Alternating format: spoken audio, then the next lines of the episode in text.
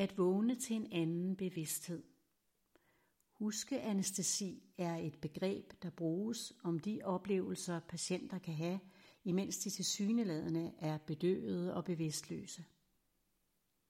Der er en interessant undersøgelse fra 2012, foretaget af to danske psykologer, Camilla Sønderbæk Hall og Anne Mette Ravn fra Aarhus Universitet. De interviewede en række patienter med huskeanestesi.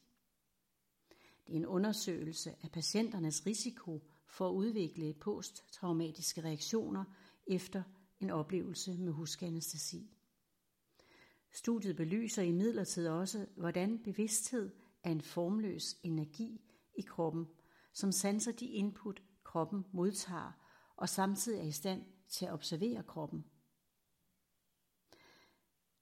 Der er nogle meget interessante fællestræk ved patienternes oplevelser, som jeg har fremhævet med kursiv i det følgende.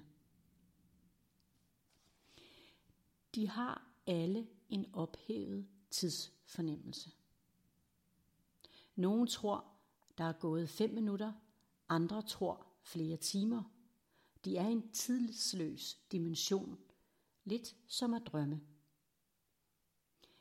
De sanser tydeligvis. Alle oplever sig lammet på den måde, at de ikke kan bevæge sig eller tale. Derudover har de forskellige individuelle sanseoplevelser. Nogle kan høre samtalen i rummet, andre kan føle berøring af deres krop. Nogle føler smerter, og andre føler angst, panik, skyld og skuffelse. De har en anderledes virkelighedsopfattelse, som de beskriver med ord som, jeg følte mig levende begravet, jeg følte mig dehumaniseret, eller min virkelighedsopfattelse var forandret.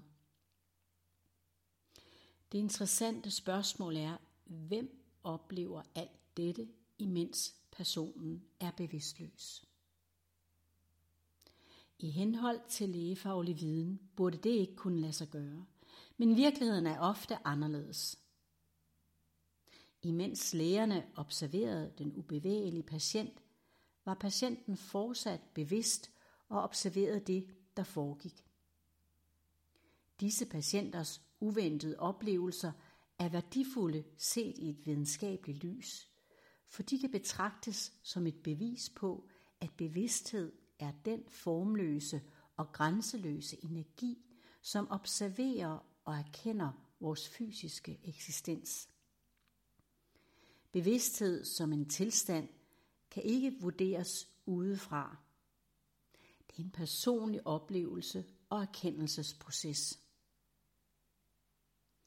En kvinde beskriver sin følelse af skuffelse. Lægen havde lovet mig, at jeg ikke ville vågne op anden gang. Det var hendes anden huskeanestesi-oplevelse, på trods af lægernes absolut bedste anstrengelser for det modsatte. Hun var tydeligvis bevidst om situationen, imens hendes krop var bevidstløs. Huskeanestesi-patienterne beskriver efterfølgende deres oplevelse som en uvirkelighedsfornemmelse, i det de var helt vågent til stede og samtidig fysisk handlingslammede. De oplevede i en vis forstand to virkeligheder på en og samme tid, og begge var lige virkelige. De var i agtageren af deres fysiske eksistens på et tidløst bevidsthedsniveau, samtidig med, at de var i den fysiske krop i operationsrummet. Ud fra disse menneskers værdifulde oplevelser og beskrivelser er det tydeligt, at bevidstheden i kroppen er det, der sanser og observerer, i det hverken hjernen eller resten af kroppen kan iagtage sig selv. Det peger også på, at bevidstheden rækker ud over kroppens begrænsninger og kan være mere eller mindre til stede i kroppen fra tid til anden. Huskeanestesi-patienternes beskrivelser har påfaldende mange fællestræk med mennesker, som har haft nærdødsoplevelser, ud af kroppen oplevelser og svære psykoser. Mennesker med sådanne oplevelser kan på tilsvarende vis beskrive, at tidsfornemmelsen er ophørt, at de fortsat sanser på forskellig vis, og at de oplever uvirkelighedsfornemmelse. Fælles for alle disse menneskelige oplevelser er, at det er oplevelser, som kan være svære at forstå og forholde sig til udefra, hvis man ikke har viden om denne form for bevidsthed. Det er derfor let at føle sig forkert og alene i oplevelsen. Som en huskanestesi-patient beskriver. Jeg oplevede en skyldfølelse over ikke at kunne passe på mig selv. Skam og skyld er tunge følelser at bære på. Lægerne havde fokus på, om det var anestesimidlet, der var årsagen, men nogle patienter havde samme oplevelse med andre anestesimidler. Derudover havde de fokus på, om der var noget unormalt ved patienterne. Men patienterne er ikke unormale. Deres oplevelser er en normal reaktion på en for dem uvandt og utryg situation. Det man med andre ord kunne kalde individuel variation i kropslig sensitivitet og bevidsthed. Mennesker, der har haft nærdødsoplevelser og svære psykoser, kan efterfølgende beskrive, at de havde en oplevelse af at være ude af kroppen som huskeanestesipatienterne, dog på lidt anden vis.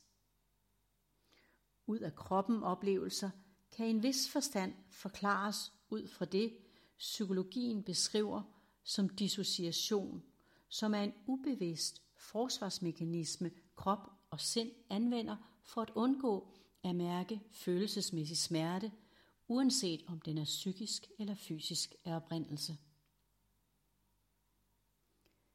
Husk anestesi-patienternes beskrivelser giver os en værdifuld forståelse for, at bevidsthed eksisterer på flere niveauer samtidig, lidt som når man sover. Man er i kroppen, og samtidig er man i drømmeland. Ud fra deres beskrivelser kan bevidsthed beskrives som en formløs energi, der er den vågne i agtager af vores fysiske og psykiske eksistens.